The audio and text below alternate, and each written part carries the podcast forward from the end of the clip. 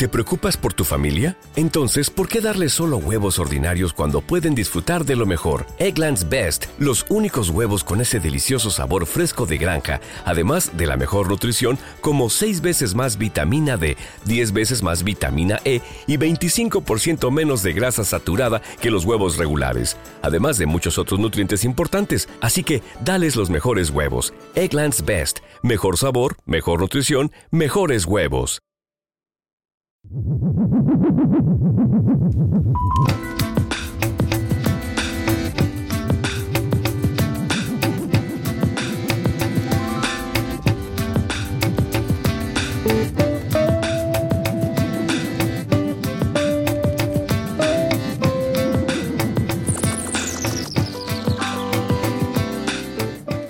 Tempo da conversa desta tarde eh, contamos nos nosos con Benita Silva, que é profesora no Departamento de Edafoloxía e Química Agrícola e dirixe o Grupo de Estudios Medioambientais Aplicados ao Patrimonio da USC. Moi boas tardes, Benita. Moitas grazas por acompañarnos. Ola, moi boas tardes. Galicia é un territorio mm, de pedra, de, de rochas. Eh, a nosa pedra, non sei, máis significativa probablemente sexa o granito. E ademais está unha terra que nace moi profunda e logo emerse, sai para arriba. O sea, non somos conscientes de onde ven o granito eh, que, que aflora eh, pois, nos nosos montes, por exemplo. Sí, efectivamente.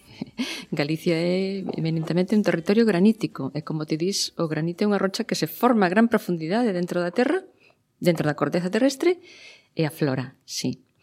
É unha rocha plutónica, que se di. Plutónica. Eh, eh claro, é moi significativa por noso territorio porque, bueno, determina as características dos solos e, desde logo, o noso patrimonio.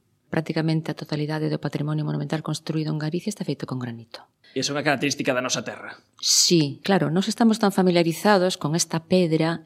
Fíxate que en galego eu non encontrei outro nome para o granito. Uh -huh. Así como, por exemplo, os esquistos chamase xistos, uh -huh. as pizarras chamase lousas.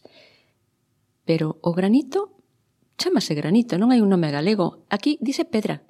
É a pedra. O granito é a pedra por antonomasia. Claro, decía que nos estamos tan acostumbrados a ver todo construído con granito que nos parece o máis normal, pero isto non é o máis normal ni moito menos. O patrimonio monumental do resto de España e de Europa, o, no patrimonio monumental o granito é rarísimo, uh -huh. ou polo menos en zonas esculpidas. E logo a estudiar, por exemplo, o que facedes vos de eh, estudar eh, como se conserva eh, esa pedra, a pedra, o, o, o granito, Mm, cando empezades a facer esos estudos, vedes que, claro, noutros lados, con outros tipos de pedra, sí que está moi estudiado, que pasa, como se transforma, pero aquí non había ese coñecemento. Efectivamente, precisamente porque mm, o granito é pouco usado no patrimonio monumental europeo, cando nos empezamos, bueno, eu Como dixestes antes, onde o Departamento de Dafoloxía Química Agrícola nos estudamos as alteracións das rochas que dan lugar á formación dos solos e hubo un momento en que demos o salto e empezamos a estudar a alteración das rochas nos monumentos e encontrámonos con que o granito era unha pedra moi descoñecida desde este punto de vista, porque os grupos europeos que se dedicaban a, a estudar as, as rochas dos monumentos, o granito era unha absoluta descoñecida. Entón, nós, casi sin querelo, nos convertemos en un grupo mm, de referencia no estudio do granito. Houve que empezar de cero? Sí, houve que empezar de cero. Desde o punto de vista da conservación, da restauración, houve que empezar de cero, sí. Núcleo externo, manto e corteza. Seguramente vosotros, como casi todo el mundo, la montaña os aburre. Y como no estamos aquí para aburrirnos, vamos a caminar sobre una bola de fuego. Apasionante, ¿eh? Toda una aventura. ¿A que sí? ¿Y si yo os digo que ya lo estáis haciendo? Todos los días. Día y noche. Camináis sobre una alfombra muy gorda. Pero en realidad pisáis fuego líquido. Y es que, aunque parezca un cuento chino, nada se está quieto. Ni nada es lo que parece. Por ejemplo, se dice que cuando uno le habla a las piedras es porque está loco, y es cierto en parte, porque no es uno el que tiene que hablarles. Tiene que dejar que hablen ellas. Claro que para hablar con las piedras primero hay que conocer su idioma, pero también pasa eso con la gente, ¿o no?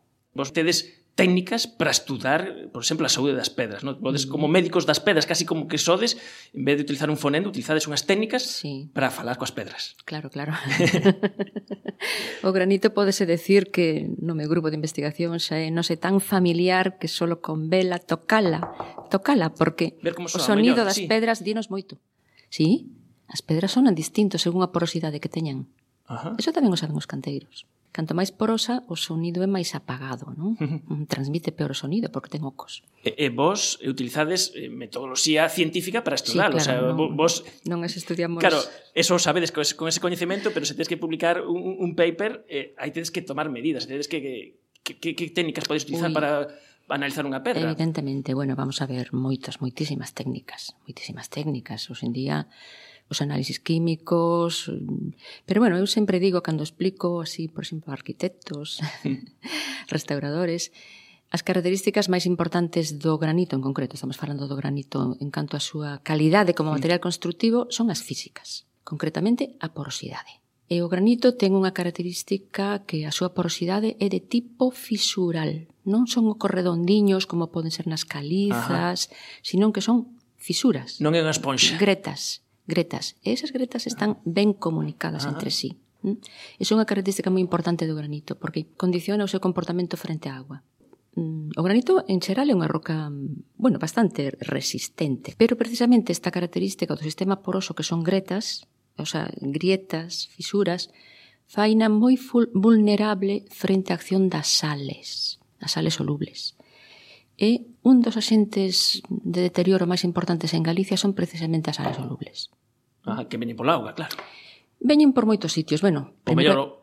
A influencia marina é importantísima. Claro, Galicia ten moitos kilómetros de costa e os ares, aerosoles marinos, hm, as sales que veñen nas nieblas, na chuvia, hasta co vento, eh, chéganos cheganos por todas partes. Mm, cando unha pedra se molla, esas disolucións salinas penetran na pedra. E cando seca, as sales precipitan, cristalizan. A formarse esos cristaliños exercen unha presión que fai que abran as fisuras. Ajá. E por iso é bastante susceptible a acción das sales. E que tamén outra cualidade do granito que dicimos é que é unha pedra ben dura eh, pero mm, o mellor cando se colle en canteira, ou non sei, o mellor antes non se collían as máis duras porque eran máis complicadas e as que chegaban non eran as mellores. Claro, efectivamente, estás, estás no certo. O granito é unha pedra dura, pero ten uns minerais máis duros que outros. Uh -huh. o granito, bueno, casi todo o mundo sabe que está, bueno, os escolares polo menos. Antes se recitaba, non? Que está formado de... por cuarzo, feldespato e micas. Sí, sí, eso que se dice. O cuarzo durísimo, as micas laminares que teñen o seu mm. proceso de alteración particular e os feldespatos cando se meteorizan, cando se alteran, transformanse en un mineral arxiloso. Uh -huh. Entón, claro, cando os feldspatos están alterados, o granito xa deixa de ser tan dura. E é ben certo que os escultores, porque o granito san é dificilísimo, bueno, san é, e non tan san, é dificilísimo de esculpir, precisamente porque ten graus de diferente dureza. Desde logo, Maestro Mateo foi un artista, bueno, hai quen di que comparable a Miguel Ángel. Mais, mais, mais. Pode que, ser. Hai que dicilo. Eu unha vez oín, non sei que, non sei a quen yo que se o mestre Mateo nacera en Italia sería tan famoso como Miguel Ángel. Probablemente. Pois o mellor sí, pero naceu neste currunchiño. Bueno, entón, ok, vamos, o granito é unha rocha difícil de esculpir. Os escultores, os canteiros, para sí. labrar o granito, escollían moitas veces un granito que xa estaba un pouquiño alterado, porque era máis blando. E iso explica a veces precisamente alteracións que vemos nos monumentos, que hai partes moito máis alteradas que outras están sometidas ás mesmas condicións e por qué? Bueno, moitas veces a explicación vennos por aí, porque xa estaba alterada cando usaron. Porque vos, cando empezades a estudiar a pedra, empezades a estudiar o granito, supoño e vedes eh, como lle afecta pois, estar a, a intemperie, supoño que comparades o que pasa con un granito eh, que está no monte, que está aflorado, eh, que está a intemperie, con o mellor pois, un, un edificio. Sí. Sufres mesmos procesos? Eh, lle pasa exactamente o mismo ou lle pasan cousas diferentes? No, cousas diferentes. A ver, O granito, mm, como te dixen antes, é unha rocha que se formou no interior da corteza terrestre e cando sale, afora, interacciona cos factores do medio ambiente, ca auga, co vento, co sol, etc. etc. E se meteoriza. Esa palabra quere dicir precisamente alteración producida polos meteoros. Que pasa nos edificios? Que aparte dese proceso, bueno, ese proceso de meteorización sufren os granitos calquera que sea o sitio onde esté Pero ademais nun edificio hai outros factores que mm. agravan a meteorización. O feito de que a rocha este formando parte dunha estrutura arquitectónica mm-hmm. sometida a cargas, tensións, moitas veces en ambientes mm, agresivos. Imagínate nunha cidade uh -huh. que hai contaminación atmosférica. En contacto con outros materiais que a veces son incompatibles, que lle Ajá. aportan precisamente que lle aportan elementos solubles. Mm-hmm. Entón, claro, o deterioro pode ser moitísimo máis agudizado.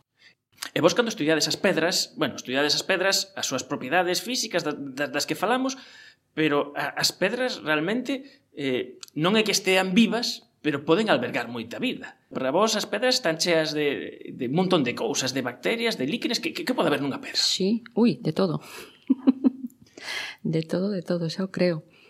Mira, dixenche antes que o granito está considerado unha rocha resistente, pero os axentes de alteración que máis lle afectan, e sobre todo se nos centramos no caso de Galicia, uh -huh. donde bueno, a contaminación en xeral non é importante, donde procesos de como xeo de xeo uh -huh. Mm, pois pues, tamén son despreciables. Os axentes máis importantes de deterioro son as sales, como xa te expliquei, e os organismos vivos que colonizan as pedras. Neste clima templado e húmedo que temos, enseguida, e iso sabemos todos, os organismos e microorganismos proliferan encima das pedras. E, bueno, esa colonización biolóxica non só produce efectos antiestéticos, sino que tamén deterioran, é o que se chama biodeterioro. Unha cousa que fala agora todo o mundo que visita Santiago e os propios eh, compostelanos é a restauración da, da, da catedral que nos tiñamos metida nos, na nosa retina esa gama de, de cores, de, de tons alaranxados do Bradoiro que agora pola restauración desaparecen. E eu creo que hai, hai opinións para todos os gustos. Eu creo que xa entramos no, no eido da subjetividade. Pero, non sei, para un especialista en pedra, eh, compre limpiar? Imaginaba que iba a salir esta cuestión, sí. porque é, é lógico, é lógico. A ver, a fachada do Obradoiro. Eu sempre recomendei non quitar os líquenes, porque uh -huh. ese líquen anaranxado da fachada do Obradoiro, sobre todo cando se está poñendo o sol, que ilumina esa fachada cara oeste, dáballe unha personalidade fantástica, no? ese color mm. dourado. A mí parecíame preciosa e sempre dixen, non a quitedes. A ver, é certo que os líquenes alteran. Iso nos uh -huh. comprobámoslo nunha tese que fixemos hai tempo, pero unha vez que están asentados, case che diría que altera máis o feito de quitalos. Eu en xeral son moi bastante minimalista con respecto ás intervencións. Penso que canto menos se faga, mellor. O que hai que facer é conservar o que hai e non intentar poñelo novo, vale? Pero bueno, ahora o están quitando. Vaise que poñer no lugar dos demais e eu agora justifico un pouco esa, uh -huh. esa acción porque no Obradoiro hai que repoñer moitas pezas de pedra. Ajá. Si, sí, eu estive varias veces por ali e hai pezas de pedra que están verdadeiramente desfeitas. E esas hai que cambiarlas. E hai que quitalas, non, non queda outra. A ver, unha intervención tan importante, tan costosa como esta, os andamios tanto tempo postos. Uh -huh. Bueno, pois vamos a aproveitar para facer unha intervención a fondo, non? Que dure moito. Entón están repoñendo moitas pezas.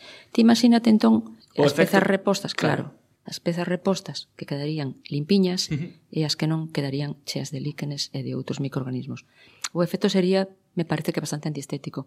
Entón están limpando todo. Uh -huh. E, e de feito, Mm, nestes intentos de, de, de tratar a, a pedra eh, ten pasado de todo, de todo. E, e, e lín por algún lado que hubo un tempo que eh, en Compostela, en algún sitio, se tratou con cera de abella. Sí. E, e eso fixo algo? Mm, conseguirse algo con eso? Pois fixo moito mal. Non había coñecementos, fixo se, Claro, sen... claro. Eu por eso dicía antes, eu son moi minimalista e se non sabemos, bueno, mellor quedarnos quietos. Un monumento como a catedral ou outros non son para mm. experimentar. E a cera da abella aí non son para experimentar. Nese caso, ver, fixo fixose nos anos 60, moi ao hmm. principios dos anos 60. Era un, a moda que veu de Francia, donde estaban aplicando, aplicaban cera da abella. A outras pedras, claro. Sí, pero bueno, supoño que en todas as pedras fixo mal. Mm. Cera de abella aplicada con calor para que penetrara ben, mm -huh. e ademais aplicábanlle azufre, uh eh, -huh. Mm, que é un pouco antiséptico. Entón, que, que fixeron con ese tratamento? Impermeabilizaron a superficie e as pedras non se poden impermeabilizar. Hai que deixar que a pedra respire. Ten que respirar. Decimos así, sí. Pero ademais, a cera, como é un produto orgánico, ui, é un medio de crecemento fantástico para todo tipo de bichería. Ou seja, que se conseguiu o entón, contrario. Entón, sí, se conseguiu unha colonización biolóxica por fungos, por exemplo, moi importante. E os fungos normalmente colorean de negro. Uh -huh. Uh -huh. E esa... E eso foi, bueno, casi che diría imposible de quitar. Foi, uh -huh. foi caendo co tempo, afortunadamente, pero eu ainda recordei, bueno, vin así esas pátinas de cera en moitos sitios, aquí uh -huh. na catedral, en Ourense, tamén na catedral, na esclavitude, en Porto Marín, nas, uh -huh. en moitos sitios. Mm. Porto Marín, por certo, que non é granito. Ah. É unha das pouquísimas monumentos galegos que non son de granito. E de que? De mármore. De mármore. Porque ali cerquiña hai unha veta de unha caliza moi metamorfizada que case un mármore e ali as dúas igrexas de Porto Marín son de mármore igual que a do Incio Eu son as únicas que coñezo en Galicia. Que son singulares por eso, por non, sí. ser, por non ser neste caso de pedra, como diríamos. Non son de granito, son, non son de, de granito. de outra pedra. Eh, no vosso grupo de investigación, precisamente, eh, Mm, fixestes moitas intervencións, moito asesoramento, pero unha das cousas que coido que son moi prácticas que fixestes foi ese catálogo de, de, de rochas. Ah, bueno, bueno, no, no, no, catálogo de rochas no, no. Ah, catálogo, a, verdade, a ver, como é, como é? Unha propiedade da que teño moito interés en falar porque fai uns días que lemos unha tese. Hmm. Bueno, lemo. Leuna, o doutor xa, Daniel Vázquez Nión, que hmm. leu a tese fai uns días, sobre bioreceptividade de rochas graníticas. Ben, a bioreceptividade, bueno, en términos xa moi claro, indica a maior ou menor facilidade para seren colonizadas. E, bueno, claro, en Galicia todo se acaba colonizando, pero indudablemente uns materiais colonizanse antes que outros. Claro. Entón nos mm, fixemos un... Bueno, isto xa ben de longos, eu se tuve en Fallanos un proxecto para estudar isto, pero logo retomamos este tema e isto aplicámoslo a granitos ornamentais, granitos dos que se están a comercializar hoxe. Bueno, pois estudamos as propiedades que determinan que un granito sea máis ou menos bioreceptivo. Conseguimos saber cales son, incluso unha fórmula matemática que a relaciona, mm, e establecemos un índice de bioreceptividade, é dicir, un parámetro que expresa esta propiedade.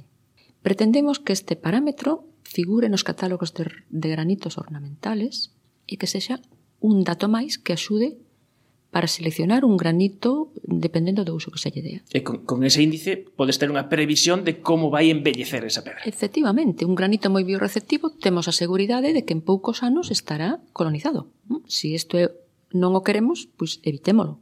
Mm. Vale? É dicir, é un índice de, de durabilidade de un granito. Mm. Ese, por exemplo, o arquitecto que, que fixo este edificio neste estudio no que estamos, que foi Álvaro de Sisa, eh, pois cando fixo o, o CEGAC eh, tivese o voso índice o mellor escollía outra pedra ou non. Ai, vexo que ti xa sabes moito de pedras.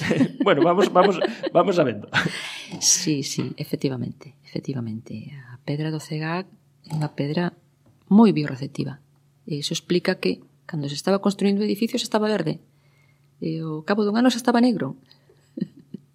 e daquela foi un tema polémico, falouse de que si era a contaminación de Santiago, Mm. No, nos estudiamos esa pedra con moito detalle e vimos que esa pedra é enormemente bioreceptiva. Foi a primeira vez que nos empezamos a, a utilizar ese termo. Moi bioreceptiva porque, bueno, polas propiedades que ten, pero en concreto pola porosidade era, aberta ou accesible a la, O que decías antes, o sea, a porosidade era moi porosa. Sí, e... sí a porosidade. So, hai outras propiedades tamén, pero se pode, podemos resumir a, a porosidade para min é unha propiedade que me di moitísimo de unha pedra. Claro, aí todas esas lousas de granito que forman o revestemento do edificio non se seleccionaron. Hai unhas máis porosas, outras menos porosas, pero hai algunhas extremadamente porosas. Fíxate que hai algunhas que chegan case a un 10% de porosidade cando un granito san ten alrededor de un. Uh -huh. Claro, un orden de magnitude máis, claro. Pero moitísimo. Un 10% de porosidade accesible á mm. auga para un granito é unha porosidade inmensa. Iso é como unha esponxa. Uh -huh. Que ocurre? Que esa rocha retén agua, mollase e retén agua. E claro, os organismos vivos, estos, sobre todo os pioneiros na colonización, son algas. Algas e cianobacterias. Estes organismos necesitan agua como medio de vida. E se unha rocha está moi húmida, é ideal para que se asenten sobre ela. Claro, entón aí, mm, claro, as medidas correctoras tiñan que ver de, de, de facelas no caso de evitar ese, esa contacto ca agua, non? se é posible. A ver, claro. o ideal sería que se, que fora escollida outra pedra, pero mm. bueno, agora xa temos a que temos. Claro. Vale.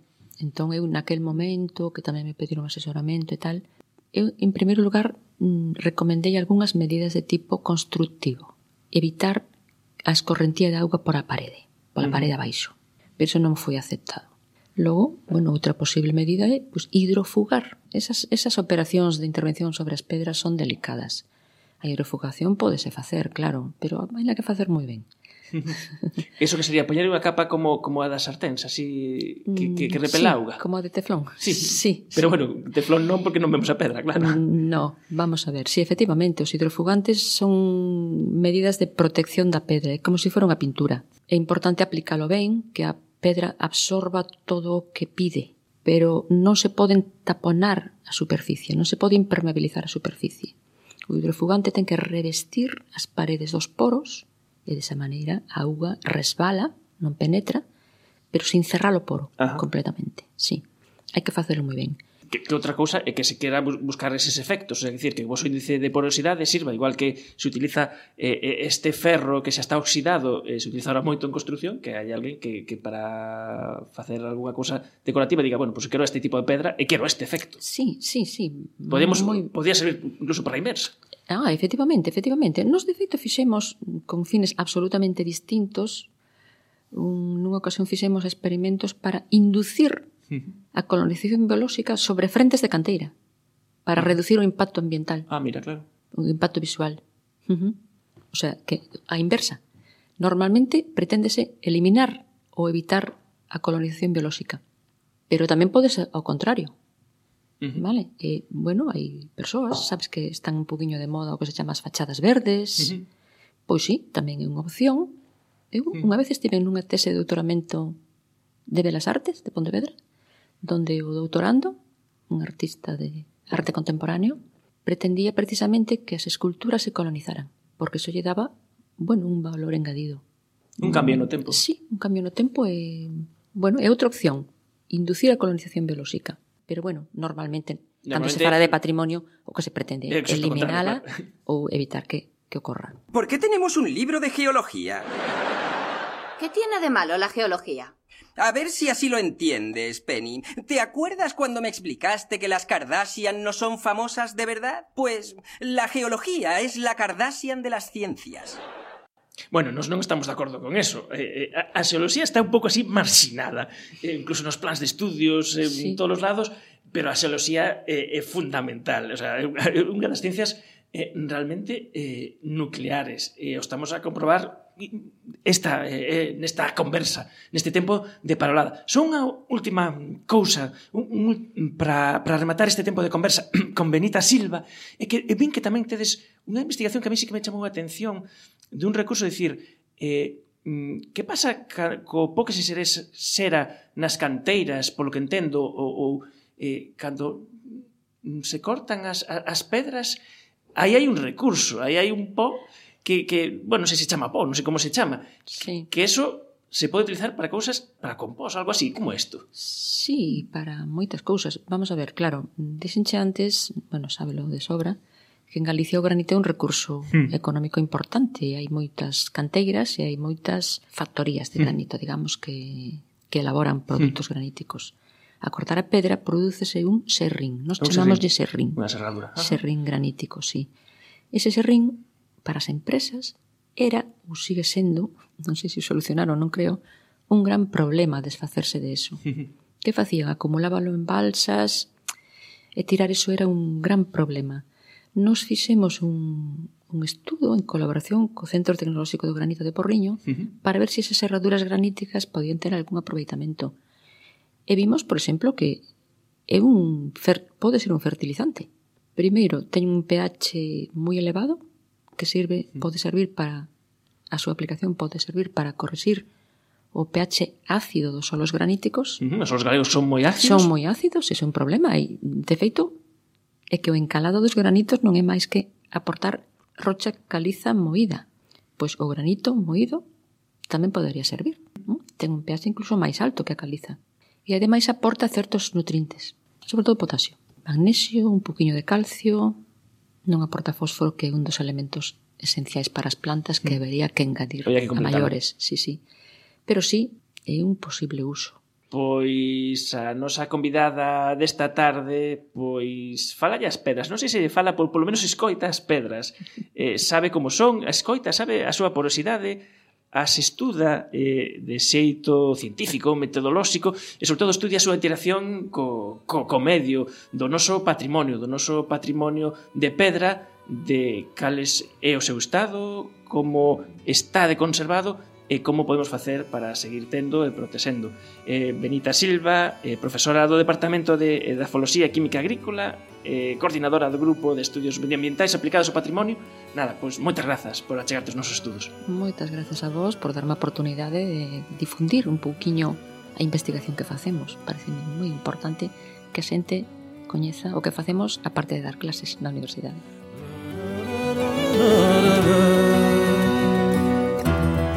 Oye a choiva pola rúa Gallo de pedra e cristal. Oye no vento esvaído Soma e cinzado teu mar